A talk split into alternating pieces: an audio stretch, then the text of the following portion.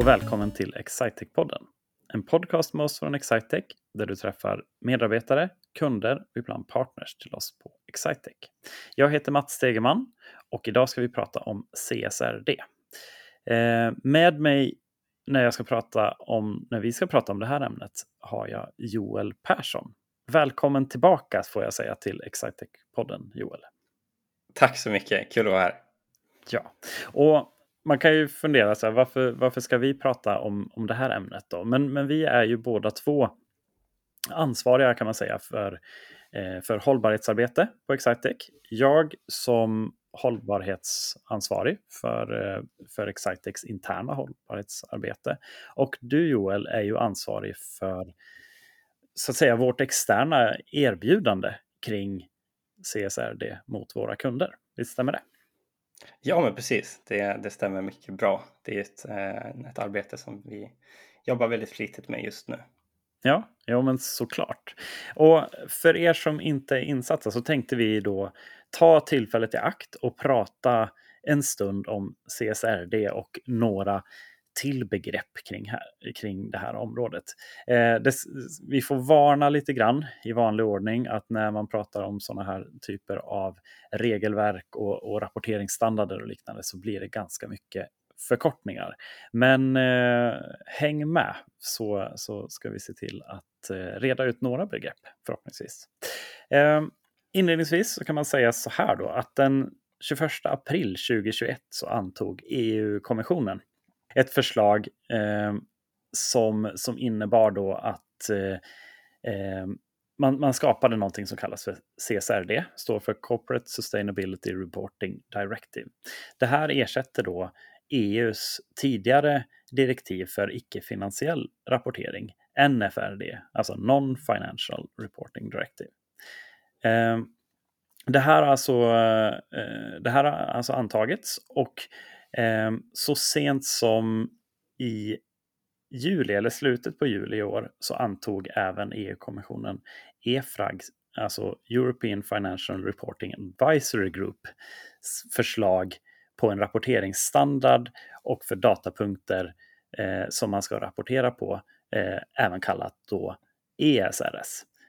Det där var många, det där var många eh, förkortningar på en och samma gång. Men, men eh, vi ska reda ut begreppen lite grann. Och, eh, men om man liksom börjar från början nu, eller varför, varför pratar vi om det här nu? Ja, men precis. Det, det är ganska mycket som skrivs om CSRD, så det är inte omöjligt att man har hört talas om det tidigare om man, ja, man har kontakt med, med redovisning av något slag. Eh, CSRD är ju som sagt ett nytt EU-direktiv och det syftar till att, att, att liksom ta nytta av den här möjligheten som, som finns vid rapporteringstransparens och, och, använda den för att skapa förutsättningar eh, för EU att, att klara sina net zero-målsättningar till 2050. Eh, några målsättningar som, som är i linje med Parisavtalet om att begränsa den globala uppvärmningen till en och en halv grad bland annat. Um, och CSR, det kravställer ju ja, men, egentligen både det som tidigare har varit frivillig eh, information, men, men det säkrar ju egentligen också ESG-information, att, att den ska finnas tillgänglig för investerare och andra intressenter.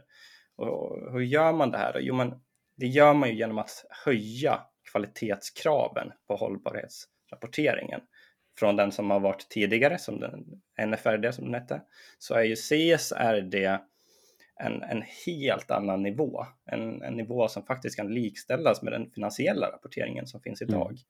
Mm. Eh, och, och kommer ju precis som finansiell rapportering gör idag kräva eh, extern granskning, vilket ja, men då i sin tur också bidrar till att vi kan reducera riskerna för för greenwashing och, och även social washing i bolag.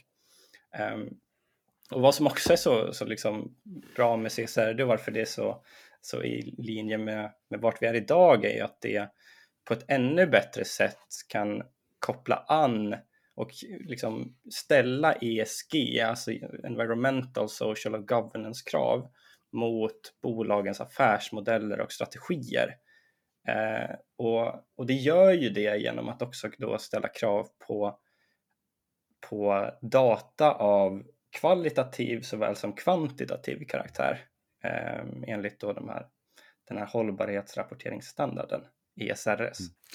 Precis, och det här är ju någonting som ehm, som, som eh, det förstås har pratats om. Om ni har hört om de här begreppen tidigare så, så är det nog eh, ofta i samband med att man kanske arbetar på ett ställe och, eh, och där man har börjat prata om eh, att det kommer en ny rapporteringsstandard och, och, och de här direktiven.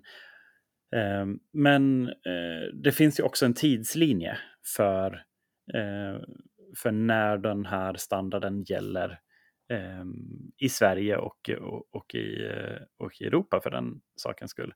Eh, Joel, kan inte du reda ut begreppen lite kring det där också? Så här, hur, eh, hur ser det ut för, eh, för, de, för svenska bolag framåt? När kommer man behöva rapportera enligt eh, CSRD? Ja, men absolut, visst kan jag det. Eh, CSR det kommer ju i sin, i sin omfattning påverka eller omfatta 40 000 bolag i EU. Eh, av de här så kan man väl säga att ungefär 4 100, 4 200 företag ligger i Sverige. Eh, men man kan också säga då att det är ungefär 10 000 bolag eller koncerner som, som, som ligger utanför EU som även påverkas av det här direkt. Eh, och, och den här tidslinjen då så ser vi att redan från nästa räkenskapsår, alltså räkenskapsår 2024 med, med rapportering som släpps 2025 för de flesta bolag eh, så, så, så behöver de första bolagen börja, börja redovisa ut efter det här. Och det är de bolagen som idag eh, omfattas av NFRD, alltså det befintliga rapporteringssystemet. Eh, och det, det är väl bolag av allmänt intresse med över 500 anställda som det egentligen berör. Mm. Sen så kommer vi till nästa, till året därpå då, med alltså rapportering 2026 för räkenskapsåret 2025. Och det är väl här kanske den, den stora vågen bolag kommer. För då mm. omfattas bolag vars verksamhet uppfyller minst två av tre kriterier och dessa kriterier är då fler än 250 anställda, mer än 40 miljoner euro i nettoomsättning eller mer än 20 miljoner euro i balansomslutning. Mm. Och det kan väl ses som en, som en ganska stor andel av de, eh, ja, men av de bolag som, som kommer komma. Det är liksom här den, den största eh, andelen är. Sen om mm. vi går ett år till då så har vi räkenskapsår 2026 med rapportering 2027 och då har vi de ja, men kanske, kanske en efterföljande och också en väldigt stor våg med, med börsnoterade små och medelstora bolag. Men även små och icke-komplexa kreditinstitut eh, och även andra eh, mindre bolag ingår här. Mm. Eh, mm. Och vi ser väl egentligen att ja, men fram till rapportering för 2029 så kommer, kommer ännu fler omfattas av det här, men i lite, ja, men det är lite mindre omställning eller lite mindre utsträckning. Men, men det som anledningen att det är så lång tid och varför det varför det är så många år, det är ju för att man ska ha få tid att förbereda sig för att, för att man från EU-kommissionen och, och, även flera eh, nationella institut ser att nej, det kommer vara en väldigt stor svårighet för många att ställa om. Så bara för att man är och kanske behöver rapportera från och med 2027 eh, så betyder inte det att man bara kan sitta lugnt i båten och vänta utan det här är någonting som man behöver kolla på redan nu även om man har sitt rapporteringskrav först eh, om ett par år. Men Mats, om man ska, ska prata lite tillbaka till Excitech och, och vart vi ingår i den här roadmappen för CSRD, vart, vart ligger vi till då? Jo, eh, vi, vi tog ju hjälp lite grann kan man säga innan. Eh, eller vi, vi har ju fått, fått hjälp länge av våra revisorer. Men, eh, men Excitech som bolag omfattas eh, Ehm, eh, från och med räkenskapsår 25 med rapportering 26. Så vi kommer, vi är inte ett bolag av allmänt intresse, eh, utan, utan vi kommer med det, det, det man tror är det kanske den riktigt stora eh, andra vågen då, kan man säga, eh, år två. Ehm, eh, och eh, det gör ju, alltså så här, om man ska prata lite grann om vårt sånt arbete så eh, vi, eh, vi, det är en bit kvar, men det är också inte så länge, länge kvar förstås innan, innan vi behöver ha ordentligt bra koll på, på de nya reglerna och eh, standarderna som, som gäller. Men man kan väl säga så här att vårt arbete har ju de, de senaste åren ganska mycket handlat om att eh, Eh, vi har förstått att det här kommer och vi, eh, vi vill förbereda oss på ett, på ett bra sätt, träna lite grann till det här och det vi framförallt har lagt ganska mycket fokus på är ju då eh, den klimatmässiga rapporteringen där vi bland annat har, har gjort klimatbokslut för, för bolaget och även då skrivit, liksom, tagit, tagit med hållbarhet som en, som en reell del i vår eh, årsredovisning också för den sakens skull. Eh, trots att mm. vi inte faktiskt har omfattats av, eh, av det här NFRD som, som har funnits, eh, funnits med ett tag. Eh, men där är vi väl i, eh, i, i dagsläget då kan man säga.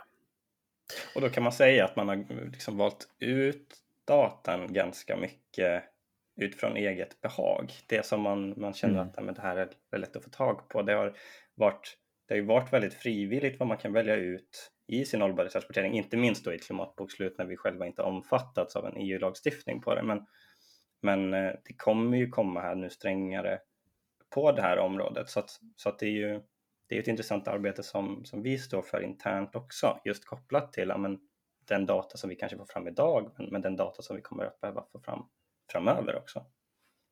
Ja men exakt. Det, är ju, det här är ju, man märker ju när man börjar jobba med det att eh, det, det, handlar ju inte, det handlar ju inte bara om att, eh, att samla ihop data eller för den sakens skull inte bara om att hitta rätt beräkningar för det utan ibland ligger utmaningen i att, eh, att få, få in datan på ett bra sätt, på ett strukturerat sätt och som inte är alldeles för tidskrävande. Allra helst vill man ju förstås kunna liksom läsa ut informationen i, i redan befintliga systemstöd som man, som man har. Om man har en eh, om man har en körjournal till exempel så kanske den rymmer väldigt mycket av den grunddatan man vill, man vill ha. Men då, då gäller det också att man kan få, få, få ut datan där och eh, kunna, kunna lägga den till rätta i ett, eh, i, på det stället där man vill presentera det framåt. Och det, och det har vi ju testat eh, eh, en del med, bland annat genom att göra, eh, göra projektarbeten med eh, våra business intelligence-plattformar som vi, som vi också har som en del av vårt, vårt erbjudande. Så det, här, det här är ju mycket, eh, mycket fokus för oss har som sagt handlat om att undersöka förutsättningar ordentligt eh, för den här ehm, eh, för, för, den här rapporteringsstandarden som, som, som blir mer och mer tydlig ska sägas också. När vi, när vi började titta på det här i första, i första skedet så var det väldigt, väldigt svårt att få att hitta information om, om CSRD men, men kanske än mer om eh, ESRS som då är den här, det, det ramverket som, som ska ligga till grund för, eh, för själva rapporteringen. Då. Mm. Och på tal om det, det, det är ju, nu, nu, har vi, vi har nämnt det några, vid några tillfällen, men, men ESRS, eh, Joel, vad skulle du...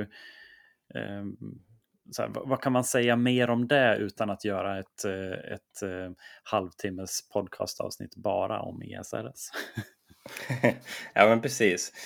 Eh, ESRS då, eh, som står för European Sustainability Reporting Standard, är ju det eh, ja, men rapportering, den rapporteringsstandard som CSRD ska, ska liksom implementeras enligt kan man säga. För, för på ett sätt så men CSR det kan ses som, som ramverket för rapporteringen, lite, lite av självaste uppgiften att ja, men nu ska vi jobba enligt CSRD. Men, men för att veta hur så kommer ju, kommer ju ESRD då. Och det är ju liksom mer då av av hur det här ramverket ska implementeras, självaste verktyget. Um, och, och, vad ESRS är, utan att skapa ett helt eget poddavsnitt, är ju att ja, men, vi kan inte längre välja vilka krav man ska rapportera kring. Det har man kunnat gjort tidigare, men nu kommer det finnas obligatoriska krav, krav som, som gäller för alla. Um, det blir tydligt mer omfattande, men, men den största fördelen är väl att det, det ska också vara mer tydligt vad man behöver rapportera.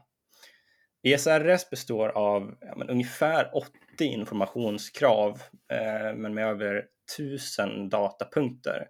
Eh, men, men självklart kommer ju inte alla de här vara obligatoriska. Då.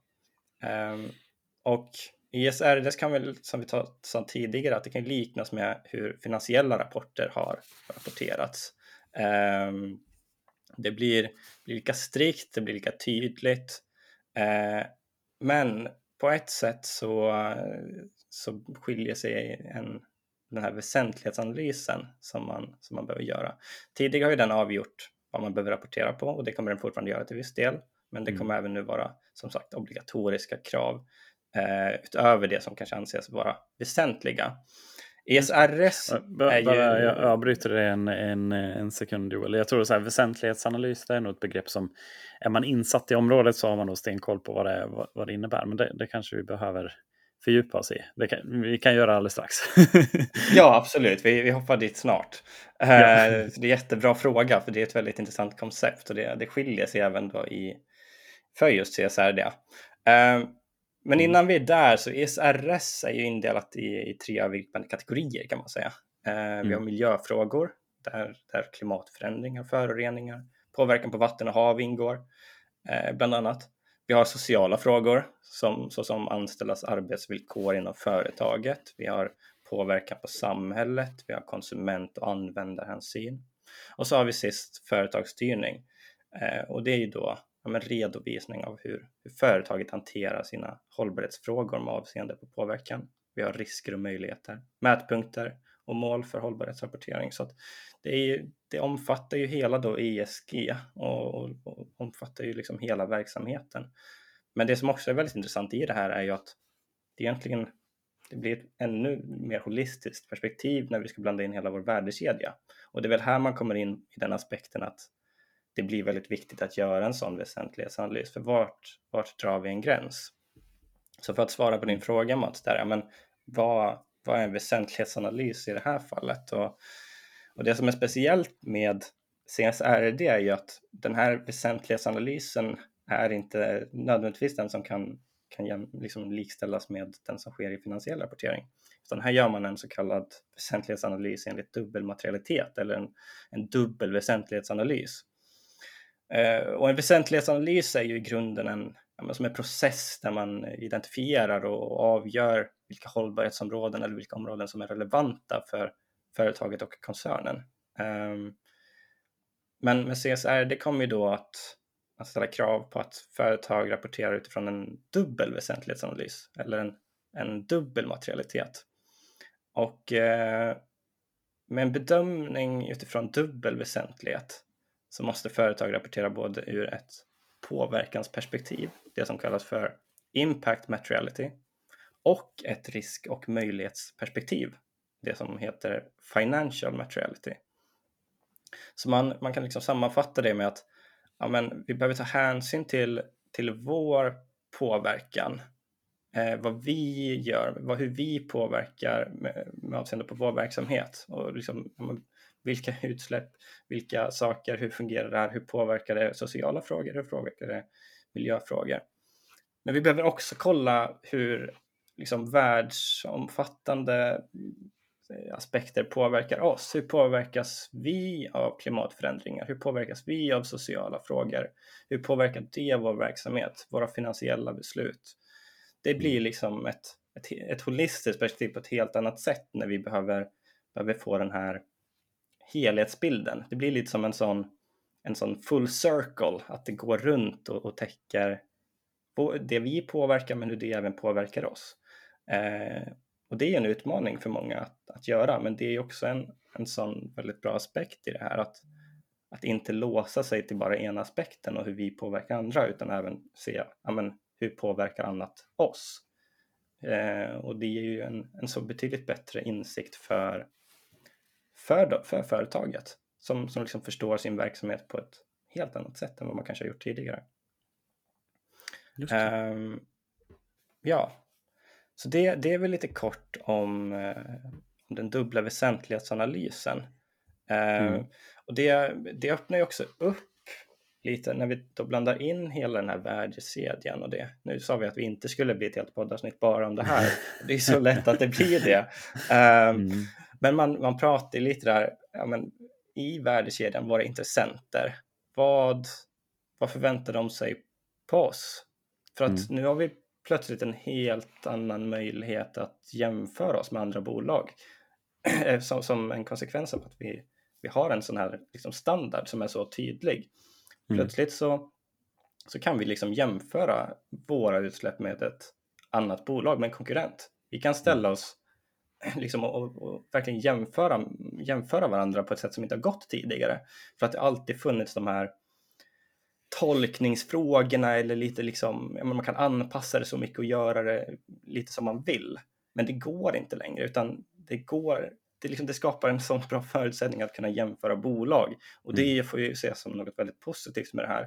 För det, det är ju det som intressenter, investerare liksom behöver kunna utgå ifrån när de ska fatta sina beslut.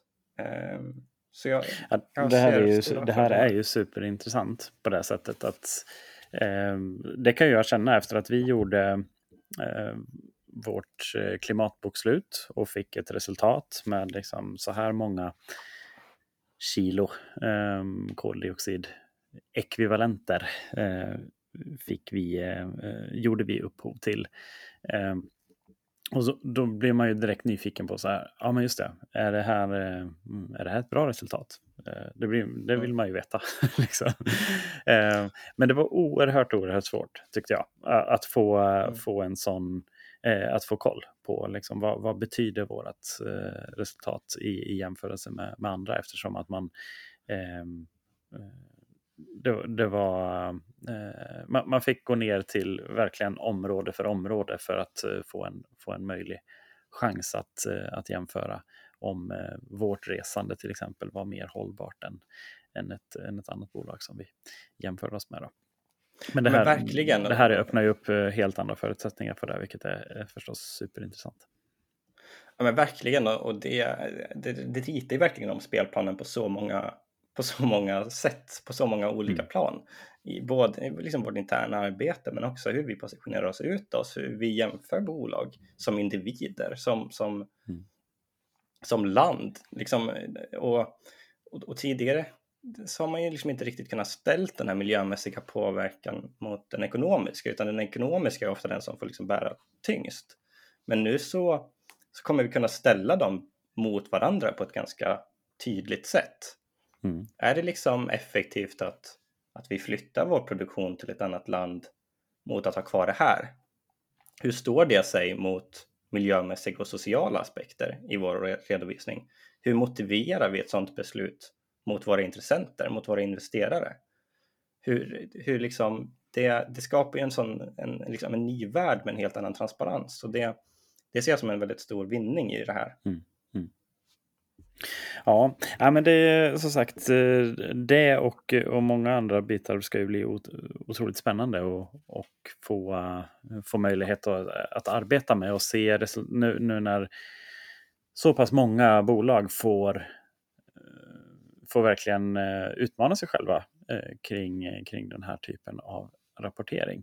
Men, men jag tror så här, som sagt, vi vill ju jättegärna också hålla den här dialogen eh, Ehm, vid liv. Och, och, jag tänker mig att det kanske både Både ESRS känns som ett område som man skulle kunna göra ett, eh, ett eget avsnitt kring med, med alla de här eh, eh, datapunkterna och, och, så vidare som, som finns där. De obligatoriska såväl som de eh, icke-obligatoriska och, och prata lite grann kring de bitarna. Eh, även väsentlighetsanalysen är ju ett, ett, helt avsnitt i sig om man, om man vill. Men eh, vi, har ju ett, eh, vi har ju ett kontrakt med våra lyssnare här eh, som, eh, som, som jag tänker att vi ska försöka hedra. Att vi, eh, vi, vi vill hålla det här till, eh, till, till, en, en längd som blir eh, eh, bra och enkel att ha med sig på bussen, höll jag på att säga. Men, men Joel, om du skulle göra ett liksom Eh, om du skulle göra ett eller max tre medskick till, till, de som, eh, till, till de som lyssnar. eh, kring, eh, kring det här. Vad, vad skulle du säga då? Ja, men jag skulle väl säga att, att har, har ni idag den, den data som ni behöver rapportera på och, och har ni förmågan att sammanställa den på ett, på ett bra sätt som gör att den går att arbeta med? Um, och har, har ni liksom även idag då förutsättningen att, att arbeta med den här datan utifrån de affärssystem som ni använder? Eller sitter ni snarare med Excel på en helt vansinnig hög grad och försöker liksom knattra ihop allt det här? Mm. Um, och, de, och de här två aspekterna, påverkar de vilka krav ni har möjlighet att ställa med avseende på ert framtida hållbarhetsarbete? Är det här, är det här frågor som håller er tillbaka och gör att ni inte liksom kan ställa de krav som, som ni vill eller som era intressenter vill? Är det, liksom, är det en, en stoppkloss på något vis? Det skulle mm. jag nog skicka med och, och, och, att man tar sig en liten funderare kring. Just det. Så att eh, kort sagt, har ni förmågan och, och har ni den data ni behöver? Kan ni sammanställa det utan, eh, utan alldeles för mycket manuellt arbete? Eh, och eh, och eh, jag tänker mig så här, kan ni inte det så är det klokt att fundera på hur det påverkar, påverkar ert arbete. För, för jag tror ju den här standarden eh, och, och, och sådana bitar påverkar ju förstås också vi vill ju inte att man ska fastna i att det bara, bara handlar om rapportering, hållbarhetsarbete, för då, då tappar man ju själva väsentligheten med, med, med varför man gör det. Men eh, jag tror ju verkligen att att, att, hitta, att hitta eh, grymt bra arbetssätt för att, för att komma fram till det här, det kommer att vara någonting som man har, har väldigt stor nytta av. Um, och det här vill ju vi hjälpa till med, eller hur Joel? Absolut.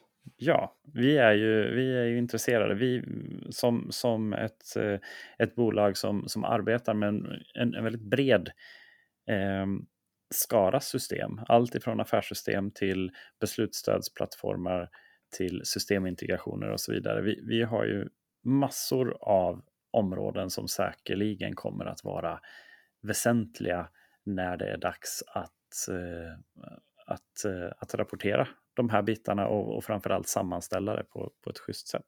Ehm, vi kommer ju samla information om det här eh, och, och faktiskt redan börjat. Du kan redan idag besöka excite.se CSRD.